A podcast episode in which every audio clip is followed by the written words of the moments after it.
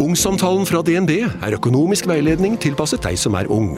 Bokk en ungsamtale på dnb.no. slash ung. Det er kjempebra hvis du skal inn på boligmarkedet! Hvis det er drømmen din, liksom. Det er det du skulle sagt. Og så kunne du ropt litt mer, da, sånn som jeg gjorde. Bam! Oh. Hallo? Jeg kommer fra Oslo politikammer. Ine Jansen er purk. Er du purk? The motherfucking bitch. Alt jeg vil, er å finne ut hva som skjedde med mannen min. Jon Carew. Er jeg sikta for noe? Iben Akeli. Det er du. Ole So, Lars Berrum og Big Daddy Karsten. Hvem sin side er du på, egentlig? Anette Hoff, Tone Danielsen, Kommer du fra Afrika? Jørnis Josef, Nesten. Kløfta. Trond Espen Seim, Det er synd å si det, men det var feil mann som døde. Purk. Se nå på TV2 Play.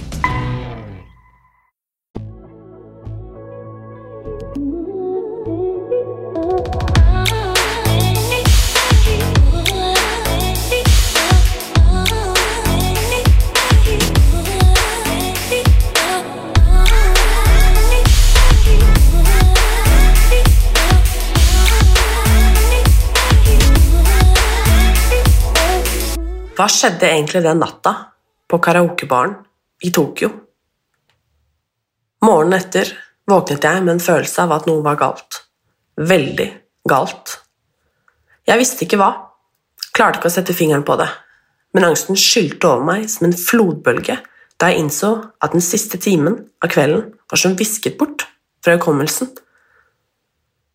Uroen vokste, og noen dager senere begynte minnene å trenge seg på fremmede og fragmenterte, som om ikke de var mine egne, og på samme tid så nære, brutale og skremmende at det føltes som at hele livet gikk i oppløsning.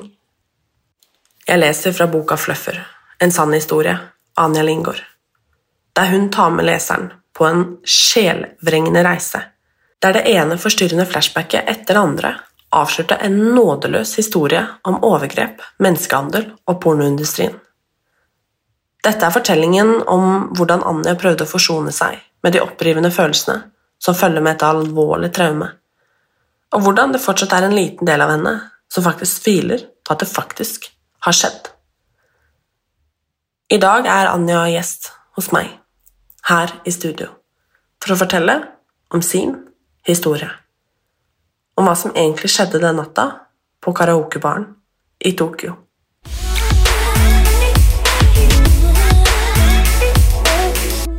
Hva er fluffer? Fluffer er et begrep som er ganske ukjent for de fleste, men eh, det stammer opprinnelig fra pornobransjen. Eh, Nærmere bestemt så er det en eh, medarbeider i produksjonen som skal sørge for at de mannlige skuespillerne får ereksjon, da. Det, var vanligere før i tiden, når det ikke fantes medikamenter som gjør den jobben. Um, men uh, det er jo tittelen på boken min, og det kommer fra et sitat i boken um, der han ene sa til meg 'Sorry, honey, I was just your fluffer'. Og det er Jeg fant jo ut at det, det er faktisk Det heter det samme på norsk, eller vi har ikke et norsk ord for det, så det er det ordet som brukes i det norske språket òg, selv om det ikke brukes veldig mye. Så ja. Vi må begynne på starten, Anja. Mm. Historien begynner i eh, Tokyo. Det gjør den. Hvordan endte du opp i Tokyo? Jeg var ferdig med mastergraden min i fornybar energi på UB. Og rundt et halvt år tidligere så hadde vi som var studenter i det kullet, vi hadde vært på en studietur i Japan og besøkt en del selskaper som jobber enten med fornybar energi eller det grønne skiftet i Japan. da. Eh, Og det var veldig spennende, og det ene selskapet vi besøkte, det var en tenketank. Eh, De eh, sa det at hvis, hvis noen av oss var interessert i en sommerjobb eller et internship, så var det bare å søke. Og jeg tok de på ordet og søkte, og fikk, ja, fikk plass hos de da, den sommeren 2018. Og dro til Tokyo og skulle være der i to måneder. Hadde det veldig, veldig gøy. Det var jo en opplevelse for livet. Men eh, det slutta jo ikke helt på den måten som jeg hadde sett for meg, da. Um, for i slutten av oppholdet så fikk jeg besøk av uh, kjæresten min og en kompis. Og ja, vi skulle på en måte ha en liten ferie i Tokyo, så skulle vi videre til Bali, og så til Singapore, og så hjem til Norge. Før hverdagen starta igjen. Og um, den ene kvelden så dro vi ut, um, som du jo gjør når du er i Tokyo. Og vi møtte en del andre skandinavere på en bar, og vi ble sittende og snakke med de.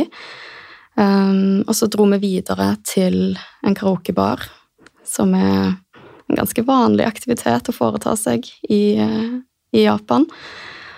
Og ja um, det, det, som skjedde da, var jo at jeg ja, kan komme litt mer tilbake til det, men jeg våkna jo neste dag etter denne karaokekvelden og oppdaga egentlig, eller sånn Altså når du ja, har vært litt full, da, så begynner du jo på en måte å rekonstruere og liksom Ok, hva var det som skjedde i går?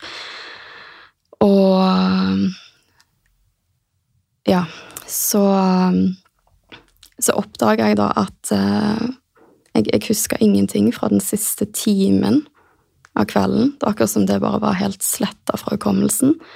Og jeg hadde bare en helt forferdelig følelse. Bare en sånn uro i kroppen som bare begynte å bygge seg opp, og jeg skjønte ikke hvorfor. Det bare var et svart hull der.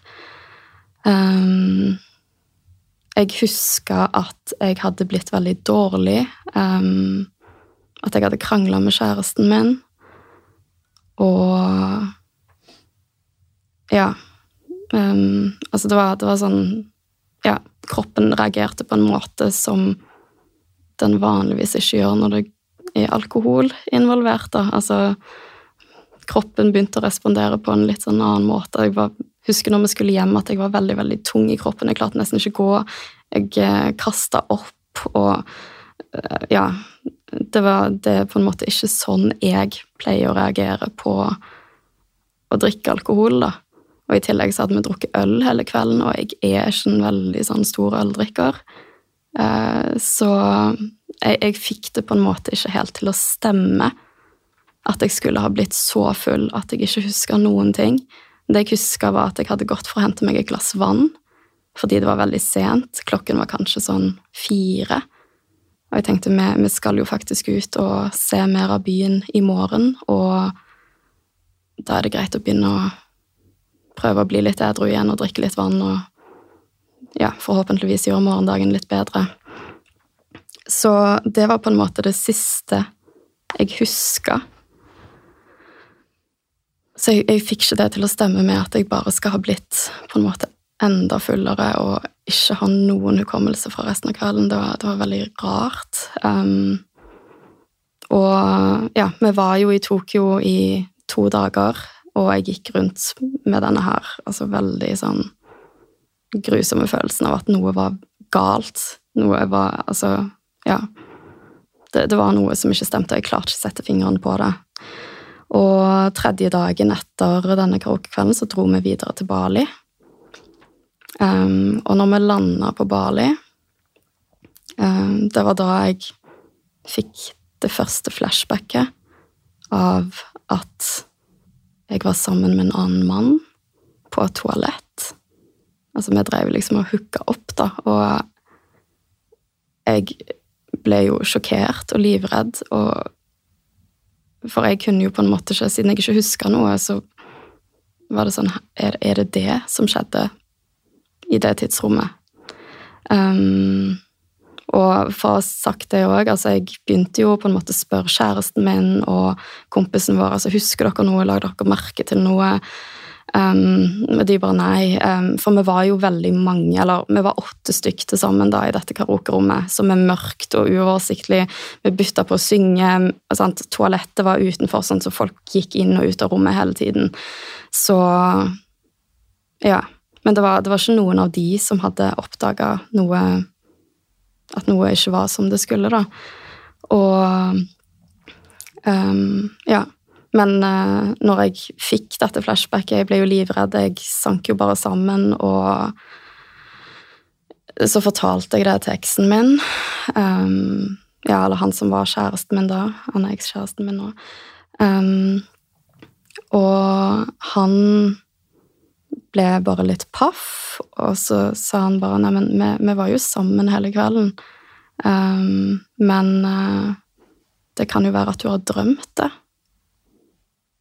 Så tenkte jeg ja, men det var sant, Altså, når du får et sånt flashback Jeg har jo aldri opplevd det tidligere, så er det sant, Det er ikke bare noe som er i hodet ditt, det sitter i hele kroppen, på en måte. Altså, jeg kjente hele Liksom, jeg kunne føle det jeg følte der, på en måte her og nå, da. Som om jeg bare gjenopplevde alt eh, i ettertid, da. Det, det var liksom det som gjorde at jeg Jeg klarte ikke å slå meg til ro med at det bare var noe som jeg hadde drømt. For det som òg var, var at når jeg kom tilbake til karaokerommet, eh, sånn helt i slutten, så sovna jeg. Jeg la meg på benken, og det bekrefta de andre òg, at du, du sovna.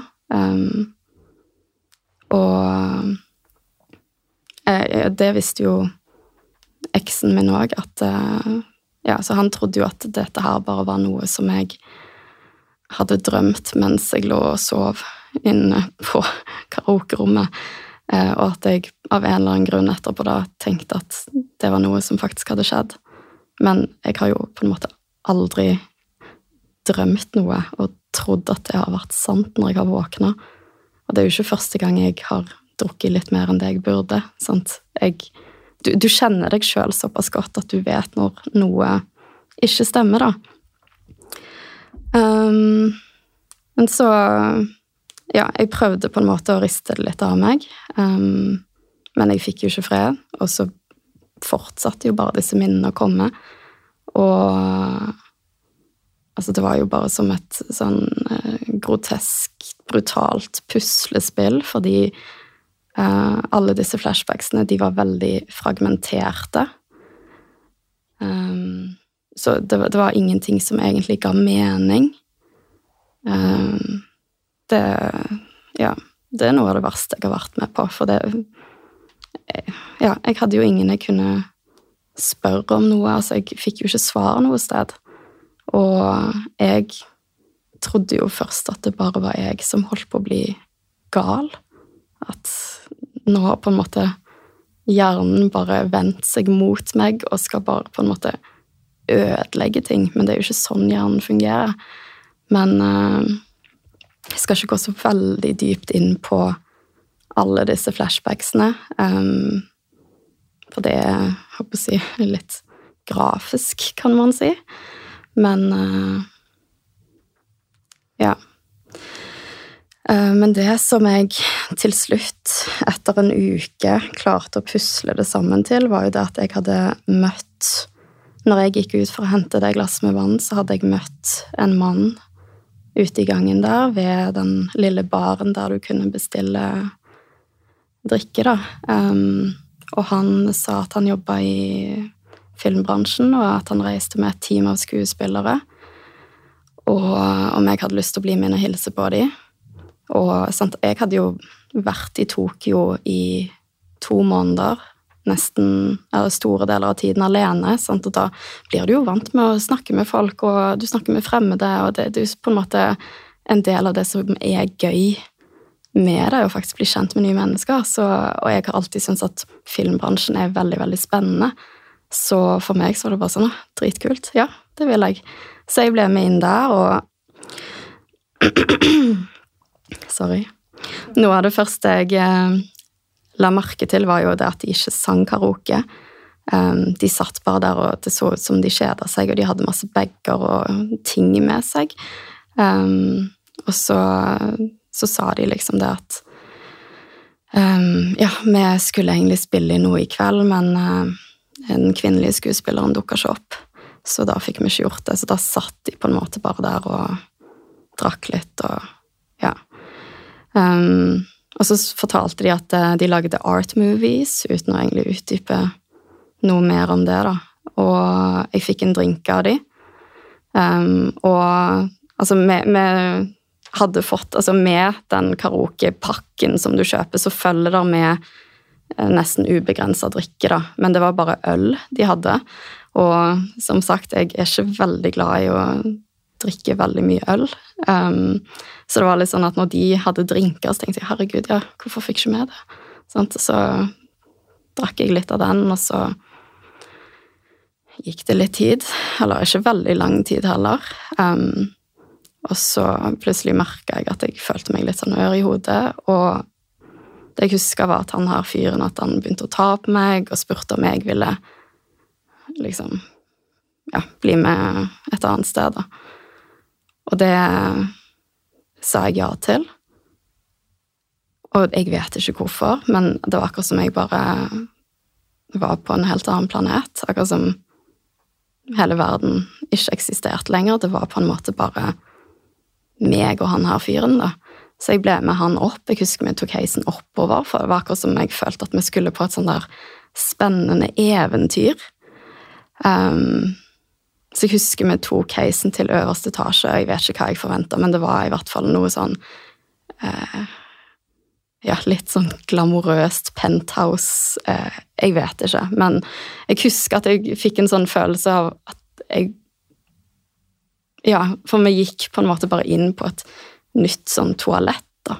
Med masse båser og sånn fluoriserende lys, og det var litt sånn Oi, ja, ok var det, var det dette, på en måte. Men ja, altså den, det, det, er akkurat som det er sånne ting jeg husker, og følelsen av Eller de tingene jeg følte i de øyeblikkene, det er de jeg på en måte husker best. da, Akkurat som de bare sitter i kroppen. Og så begynte vi på en måte å hooke opp inne på dette toalettet, da.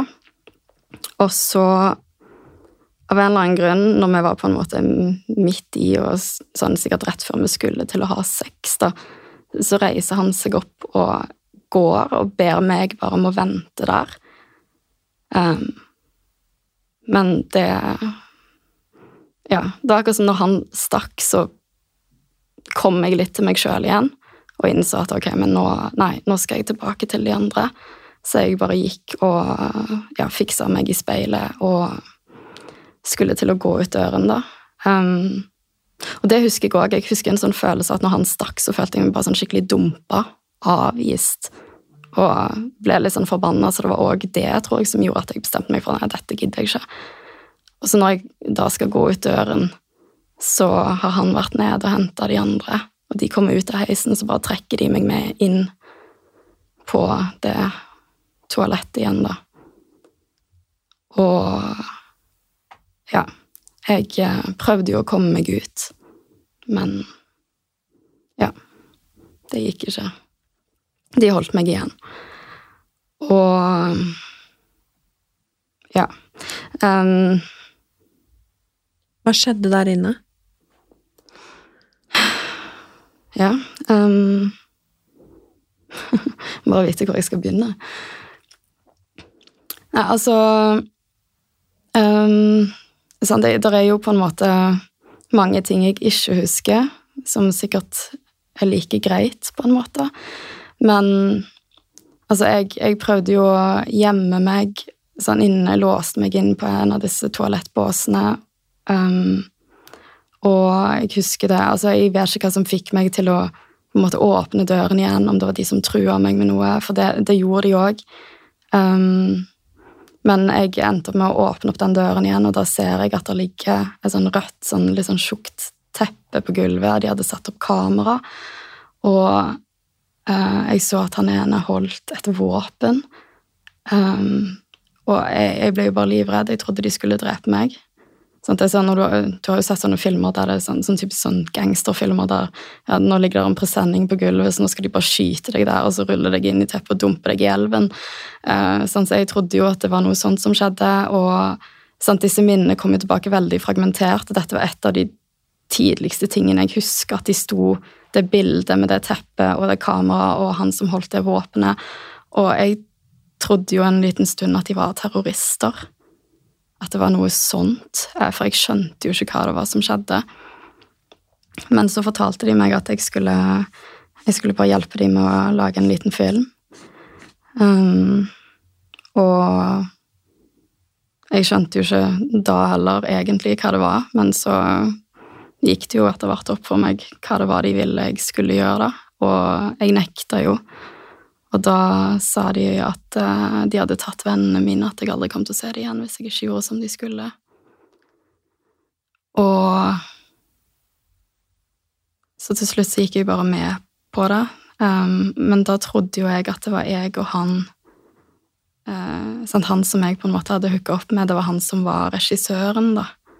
Um, så jeg trodde jo at det var jeg og han som skulle gjøre dette. Men så ser jeg på en måte rundt meg. Jeg husker på en måte at uh, For de var fem, fem stykk. Det var én um, fotograf, eller filmfotograf, jeg vet ikke. Og han regissøren, så var det tre andre, og de var skuespillere. Og jeg husker at de begynte å kle av seg. Og det var da jeg skjønte at han var så Ja, så sa han Jeg husker ikke hva han sa til meg, men han gjorde liksom klart at det var, det var de som var skuespillerne. Og da Ja, mista jeg det litt, egentlig. Um, og det var da han sa til meg Sorry, honey, I was just your fluffer. Så det er der tittelen til boken kommer fra. For det var jo på en måte Det, det var han som lurte meg inn i det, det var han som ja, sørga for at jeg havna der jeg havna, da. Og jeg tenker vi kan jo droppe de groveste detaljene her, fordi ja, det, det er ikke så veldig hensiktsmessig å si det å si, si det høyt, men jeg tror nok de fleste kan forestille seg hva som skjer med en kvinne med tre menn. Det Ja. Det er brutalt. Så det som skjer der inne, Anja, det er at du blir gruppevoldtatt på film? Mhm. Men sant, altså, jeg fikk jo på en måte instruksjoner om hva jeg skulle gjøre. Sant, de tvang meg jo til det, og det er jo det som òg er at dette sant, Politiet, når jeg anmeldte dette når jeg kom tilbake til Norge, så spurte de ville se ut som et overgrep hvis vi finner denne filmen. Så sa jeg bare nei, det vil det ikke. Fordi de kommer til å klippe bort alt der jeg ikke er med på ting, på en måte. Sånn, så de trua meg jo til det, og hvis det var en voldtektsfilm de ville lage, så hadde det jo vært veldig mye enklere for dem. Da hadde de jo ikke trengt å true meg med noe, da kunne de jo bare ha holdt meg fast, på en måte. Så Ja. Så det er jo det at det, det vil ikke se ut som en voldtekt, sant. Men uh, Ja. Nei, men så jeg Ja. Uh, de, de, ga meg jo veldig tydelige instruksjoner om hva jeg skulle gjøre, og jeg husker jo at jeg gjorde noe feil, og da ble de irriterte på meg. Uh, og da, da, husker jeg at de sa 'the client was very specific'. Og da Sånn når jeg huska det, så skjønte jeg at shit, dette her er en bestilling fra noen. Og jeg har jo gjort mye research i ettertid og funnet ut det at Altså custom made porn, altså spesialbestilt porno, det der er et stort marked der. Folk som har midler, kan skrive egne manus og få sendt de til et produksjonsselskap og få lagd det. Sånn, så hvis folk har en eller annen fantasi, så kan de bestille ja, en pornografisk film av den fantasien. Så og det er òg mest sannsynlig grunnen til at det ikke har dukka opp noen film, eller så vidt jeg vet. Jeg brukte jo veldig mye tid på å lete etter den filmen på nett når jeg kom hjem, og jeg har sett ganske mye som egentlig ingen burde se, eller burde ha lyst til å se, men der er Altså, den verden der det, det er skremmende. Det er skremmende at der i det hele tatt er et så stort marked for Altså ikke bare porno, men òg overgrepsporno. Sant? For jeg var innom veldig mange sider for å søke. Men når jeg fant ut at dette var en spesialbestilling, da, mest sannsynlig, så er dette noe som en privatperson har kjøpt og betalt for, og som er en jeg håper å si, deres hemmelige fantasi, da, kanskje. Og den har de ikke lyst til å dele med hele verden. De vil ikke at det skal være gratis og tilgjengelig for, for alle, for det er noe som tilhører de, da. Så da er sannsynligheten for at den vil bli spredd på nett mindre. Så det er det jeg tror skjedde.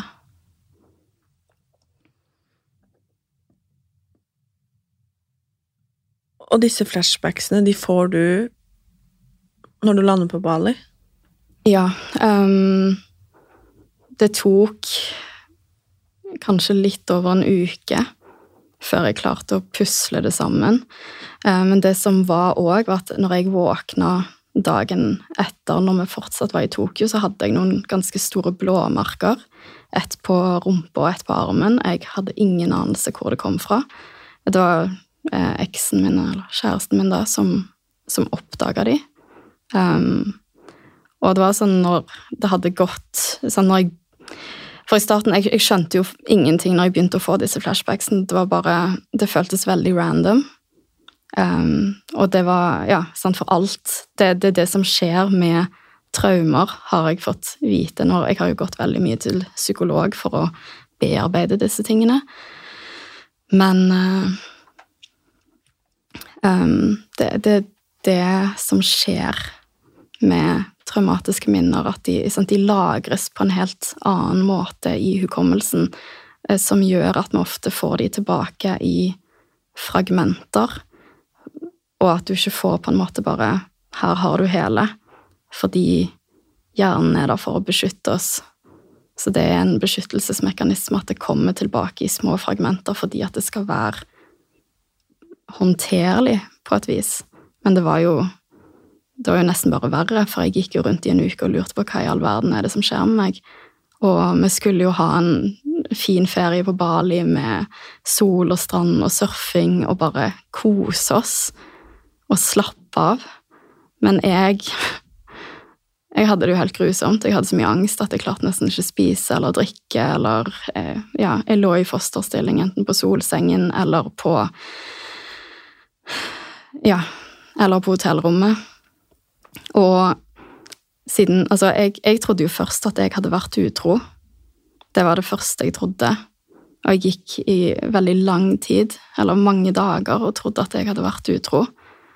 Og derfor så følte jeg på en måte òg det, det, var veldig vanskelig, for jeg følte at jeg hadde ikke rett til å ha det sånn som jeg hadde det.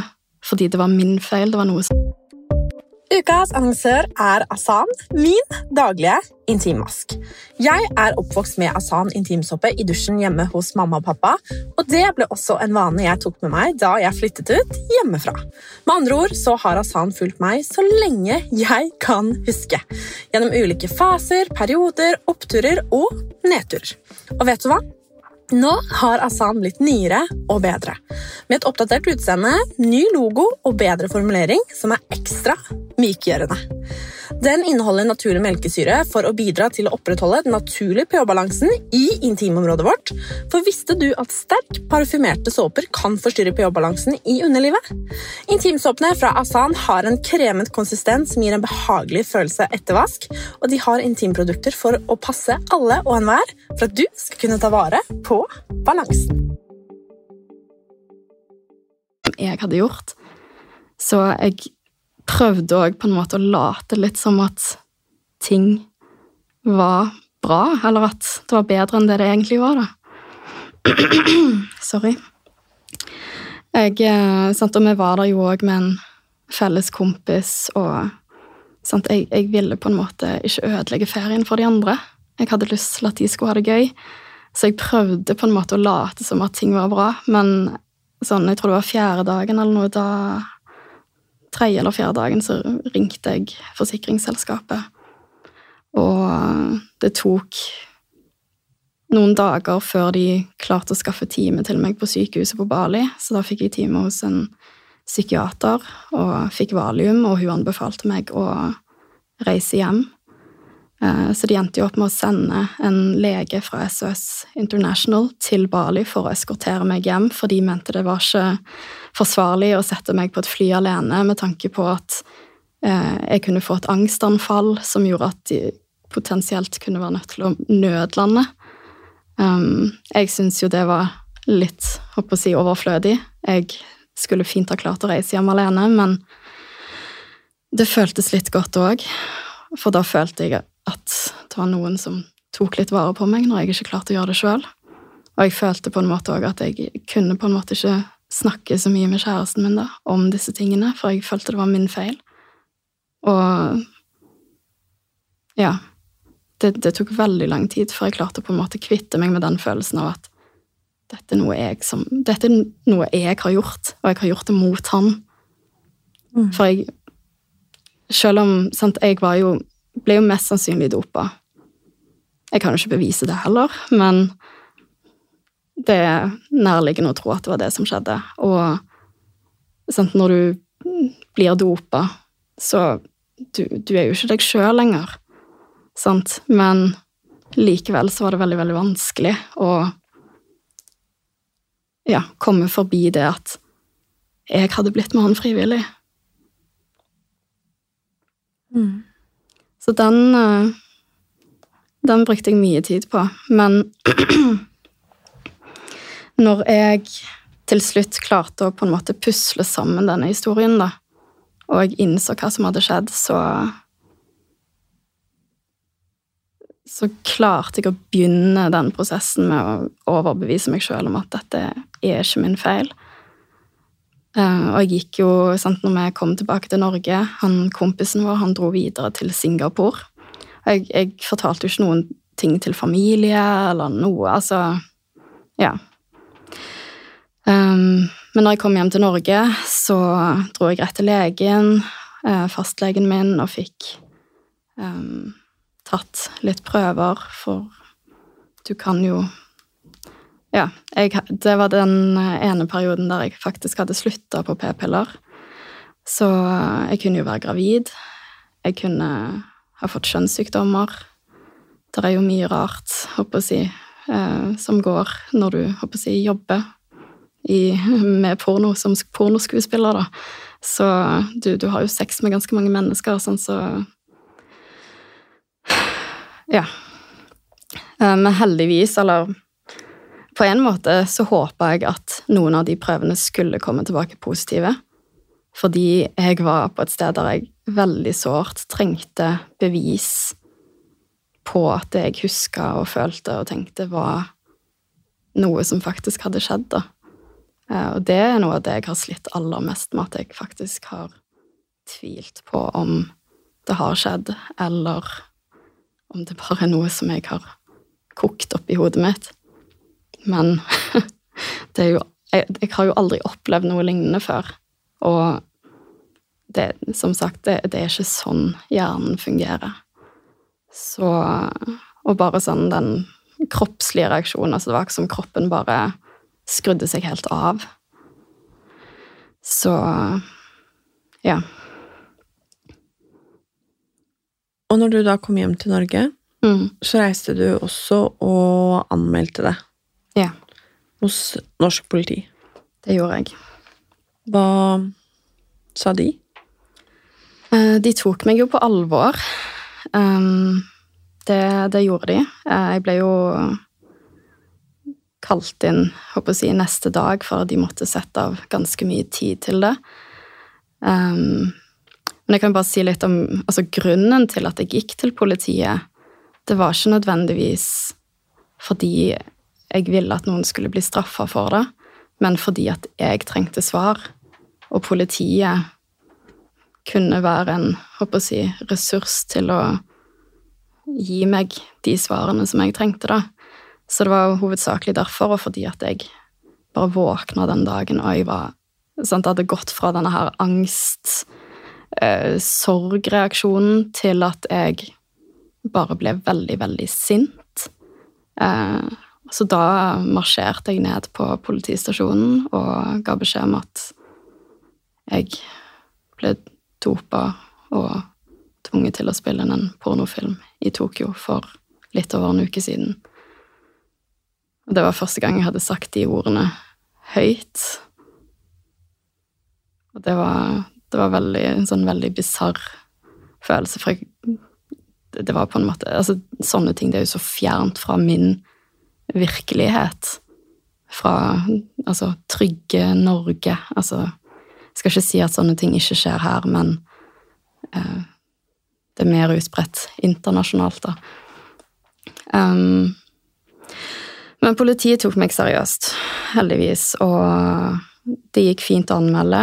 Um, men uh, jeg hadde jo ingen håp, egentlig, om at denne saken skulle bli oppklart, fordi um, For det første, jeg var turist i Japan. For det andre, um, de som gjorde dette, de var ikke japanere. Uh, jeg tror de var østeuropeere som egentlig bodde i USA, og som, ja, var på Ja, de, de var ikke på ferie, da, men de hadde ting de skulle i Japan. Sant? Og det gjør jo denne saken helt sinnssykt komplisert. Så jeg la jo fra meg alt håp om at disse mennene skulle bli tatt allerede da. Men hvis det kunne gi meg noen flere svar, så var det verdt å i hvert fall anmelde det. Fikk du noen flere svar? Ikke av politiet. Men jeg, jeg hørte ingenting fra politiet. Det Ja. Jeg vet ikke om de foretok seg noe i det hele tatt, egentlig. Um, så du blir jo Du blir et saksnummer. Og jo fortere du bare aksepterer det, jo lettere er det å stå i det, på en måte. Um, men jeg fikk ikke flere svar. Um, hørte ikke fra politiet. Um, og så sant, Jeg jobba jo veldig mye med meg sjøl på den tiden. Sant? Det var jo egentlig Når jeg kom hjem, så skulle jeg egentlig ha forsvart masteroppgaven min. Uh, det måtte jeg utsette. Og i stedet bruke tiden min på å gå til psykolog og prøve å ta livet mitt tilbake igjen. Det husker jeg, altså Den første timen jeg satt med huspsykologen på voldtektsmottaket, det var fastlegen min som sa at jeg burde ta kontakt med de.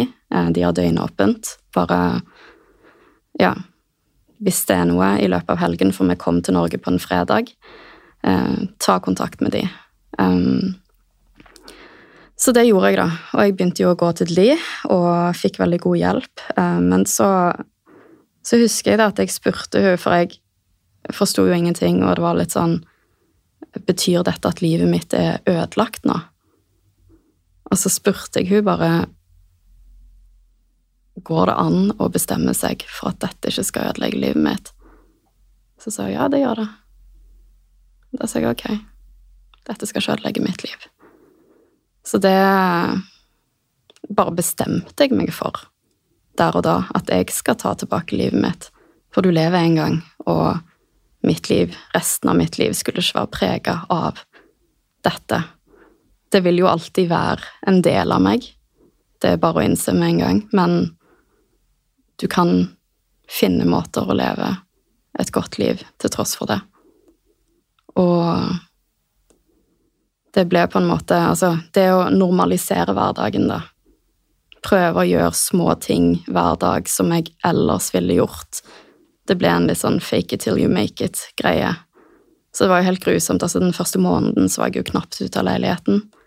Prøvde å gjøre noen ting, men det ble veldig fort for mye. Det ble veldig overveldende. Akkurat som altså, hele sanseapparatet er bare i alarmberedskap, så alle ting påvirker deg veldig, veldig mye mer enn det som det gjør for en vanlig person, da. Men det var veldig mye hjelp i det å gå til psykolog og faktisk ja, forstå hva det var som skjedde, da. For det var jo det jeg ikke gjorde. Jeg følte meg jo nesten blind. Jeg følte meg gal. Var sånn, jeg, jeg trodde seriøst det var noe alvorlig galt med meg en lang periode. Og det sånt, På dårlige dager, til og med nå, så kan jeg ta meg sjøl i å tvile på det. Men altså, nå har jeg gått til ganske mange psykologer, og alle de har jo sagt at Ja, jeg, har stilt spørsmålet er det en sjanse for at det er jeg som er gal, at jeg har funnet på dette og klart å tro på det og la meg traumatisere av det.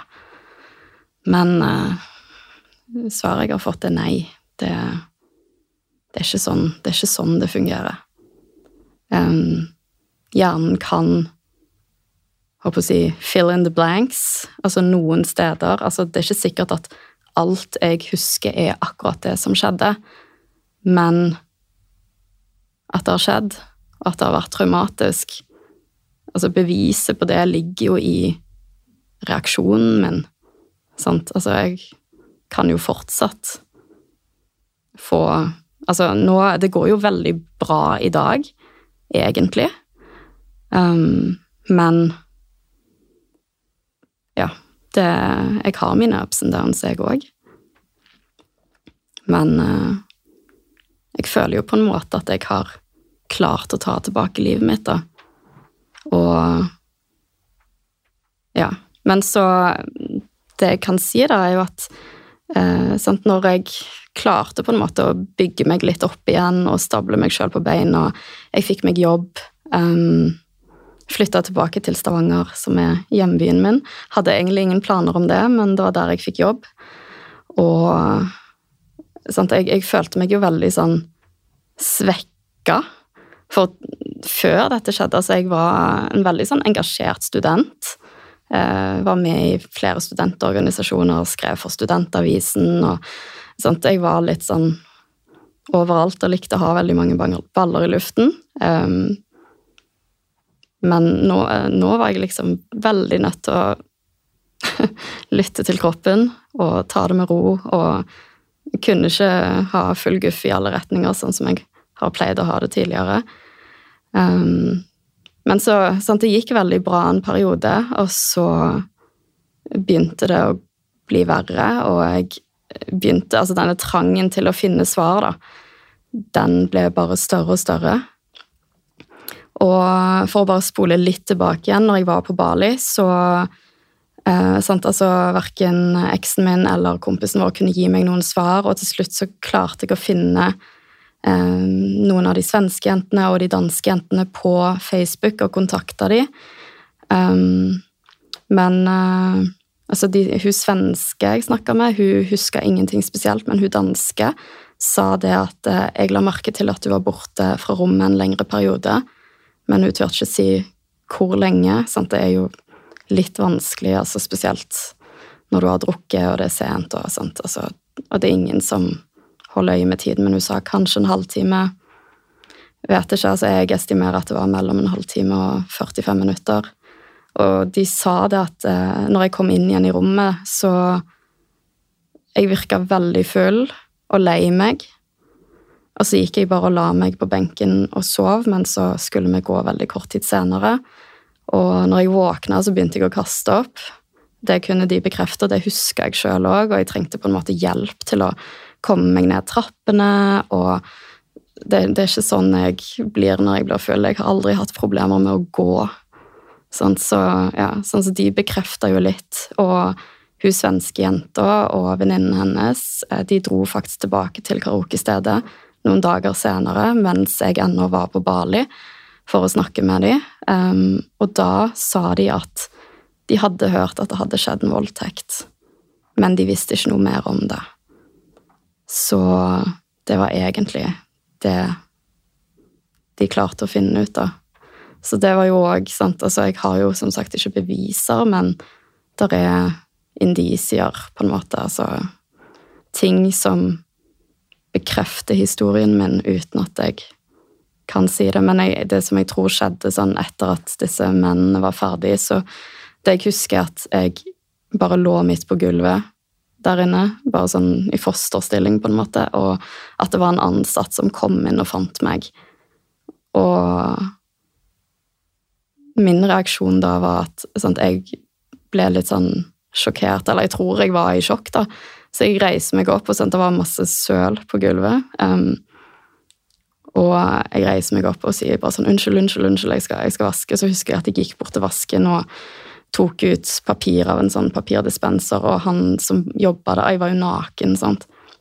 Han som jobba der, og bare sånn 'Nei, nei, nei, nei, herregud.' Og så tok han meg med, og så hjalp han meg tilbake igjen. Og jeg ville jo ikke ringe politiet. Jeg, trodde jo, jeg tror jeg trodde jeg hadde gjort noe ulovlig og noe galt. Jeg ville ikke at noen skulle vite om det, så jeg ville bare bli fulgt tilbake til rommet.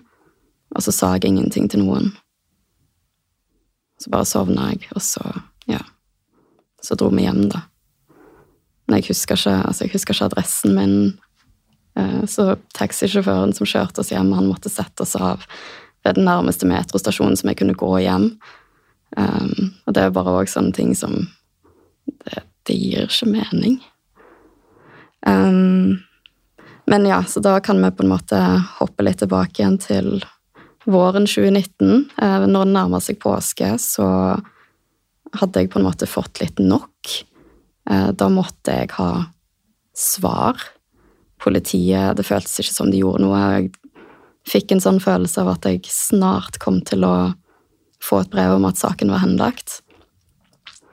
Så det jeg gjorde da, var å bare si til mamma at jeg kommer til å reise tilbake til Tokyo snart for å dra tilbake og snakke med de som jobber på karaokestedet. Og hun svarte at hun hadde egentlig bare venta på det. Når skal vi dra? Hvis du vil ha med meg, så sa jeg ja. Du, du er den jeg vil ha med meg. Så i påsken så dro vi egentlig ganske spontant til Japan.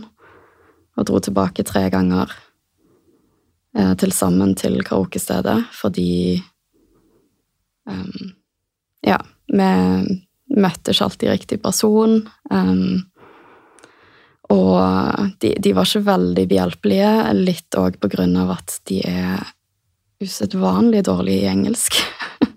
Så kommunikasjonen var veldig tricky. Det var Google Translate på mobilen. Uh, og igjen, da, så han Første gang vi dro tilbake igjen, uh, så sa han at han hadde hørt at det hadde skjedd en voldtekt. Um, litt det samme som de svenske jentene hadde, hadde fått bekrefta, at de hadde hørt det, men uh, de visste ingenting mer om det. Og da fikk vi Jeg spurte om de hadde en eller annen sånn garderobe, for jeg har på en måte trodd at dette var en garderobe, siden det var en del sånne båser. Jeg, jeg vet ikke hvorfor jeg har tenkt at det var en garderobe, men um, ja, eh, og da fikk vi bli med på en måte ned trappene sånn i underetasjen. Altså, det var Ja. Råte og bare mørkt og sånn du ser i sånn skikkelig shady filmer, på en måte. Sånn var det. Men um, det, det, var jo ikke der jeg husker, for jeg husker jo at jeg hadde tatt heisen opp, og at det var et lyst rom med disse båsene og sånn, så det, var ikke det rommet. Når vi spurte om å få dra opp, så sa han nei. Um, og så dro vi tilbake en annen kveld. For da var det på en måte ikke noe mer vi kunne gjøre den første dagen, og vi dro tilbake en, uh, en uh, kveld senere, og da fikk vi snakka med han som var daglig leder. Um, men han, uh, han sa jo bare at Eh, hvis vi ville noe, så måtte vi kontakte politiet. Han var veldig avvisende. Og, eh, men det vi fant ut av, var jo at eh, For de hadde videoovervåkning, men opptakene blir slettet etter var det 14 dager. Så hvis politiet i Norge skulle hatt noen sjanse til å få tak i dette, så måtte de jo ha gjort det ganske kjapt, men de starta jo ikke på noe skikkelig før sikkert etter noen måneder. Så ja. Men så dro vi tilbake en tredje gang, da. Og da bare endra vi totalt strategi. Da lata vi som vi ville synge karaoke, så vi betalte for et rom i en time. Og det var midt på dagen. Mm, faktisk på formiddagen. Og da er det jo nesten tomt. Og ja, vi bare satte oss på rommet, og så venta vi til vi fikk servert drikke, for det var det var ikke et valg å velge det bort. Um, og når vi hadde fått det, så Vi fikk rom i tredje etasje. Vi tok heisen ned til andre, for det var der vi hadde hatt karaokerom. Og jeg fikk se rommene, og det var ja, stort sett sånn jeg husker det. Um, og så jobba vi oss bare oppover etasje for etasje. Um, og når vi kom til syvende etasje, da sånn Syvende etasje er jo egentlig en etasje som jeg ikke burde ha noen kjennskap til.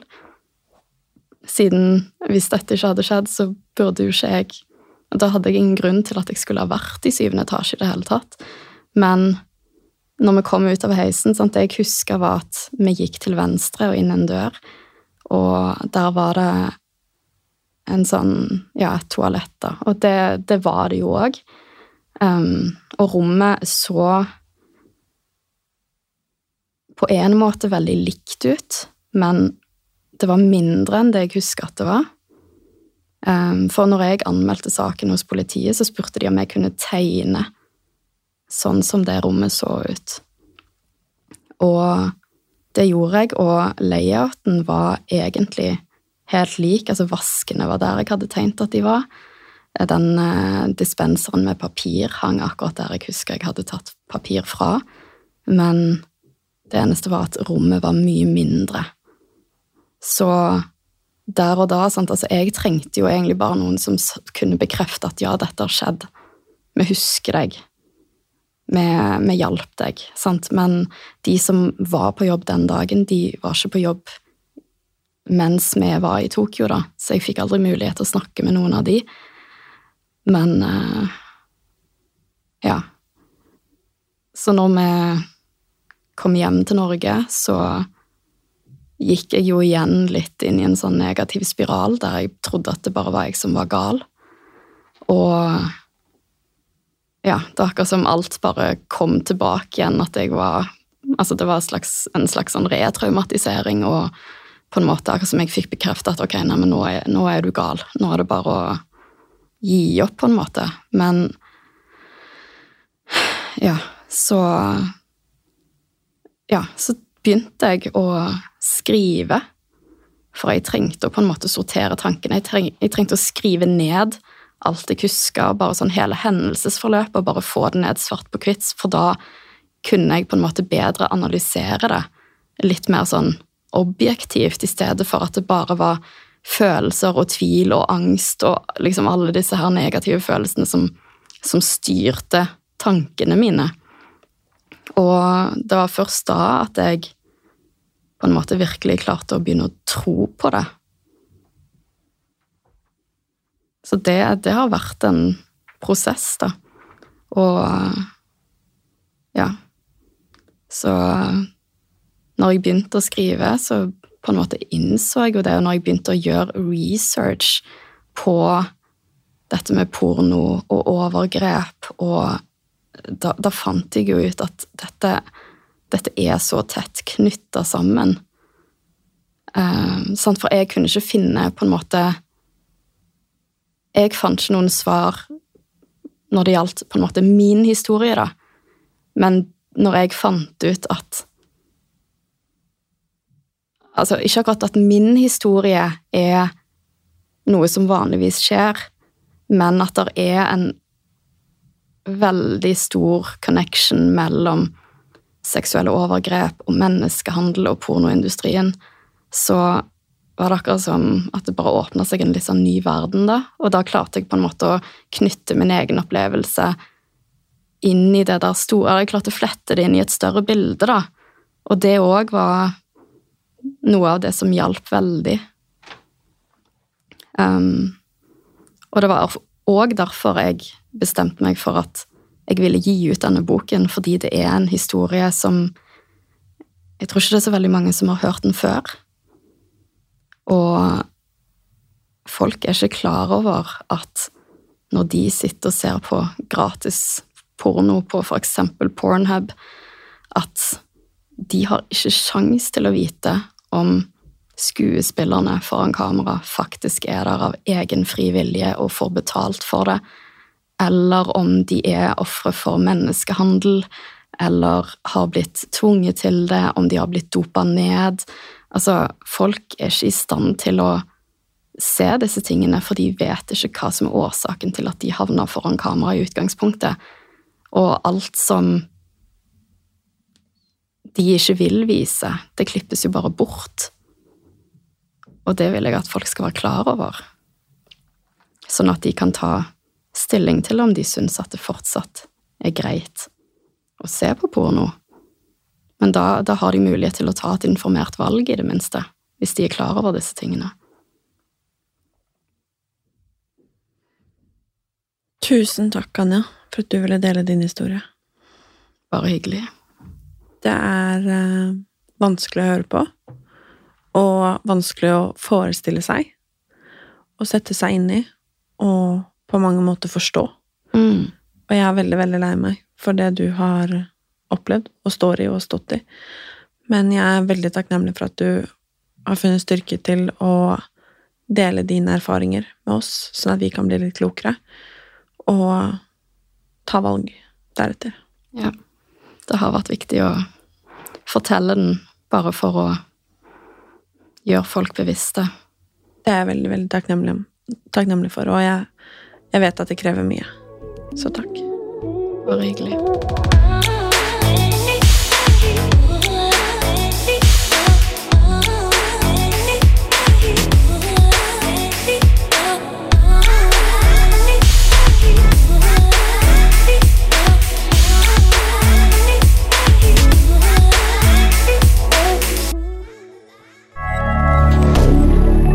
Media.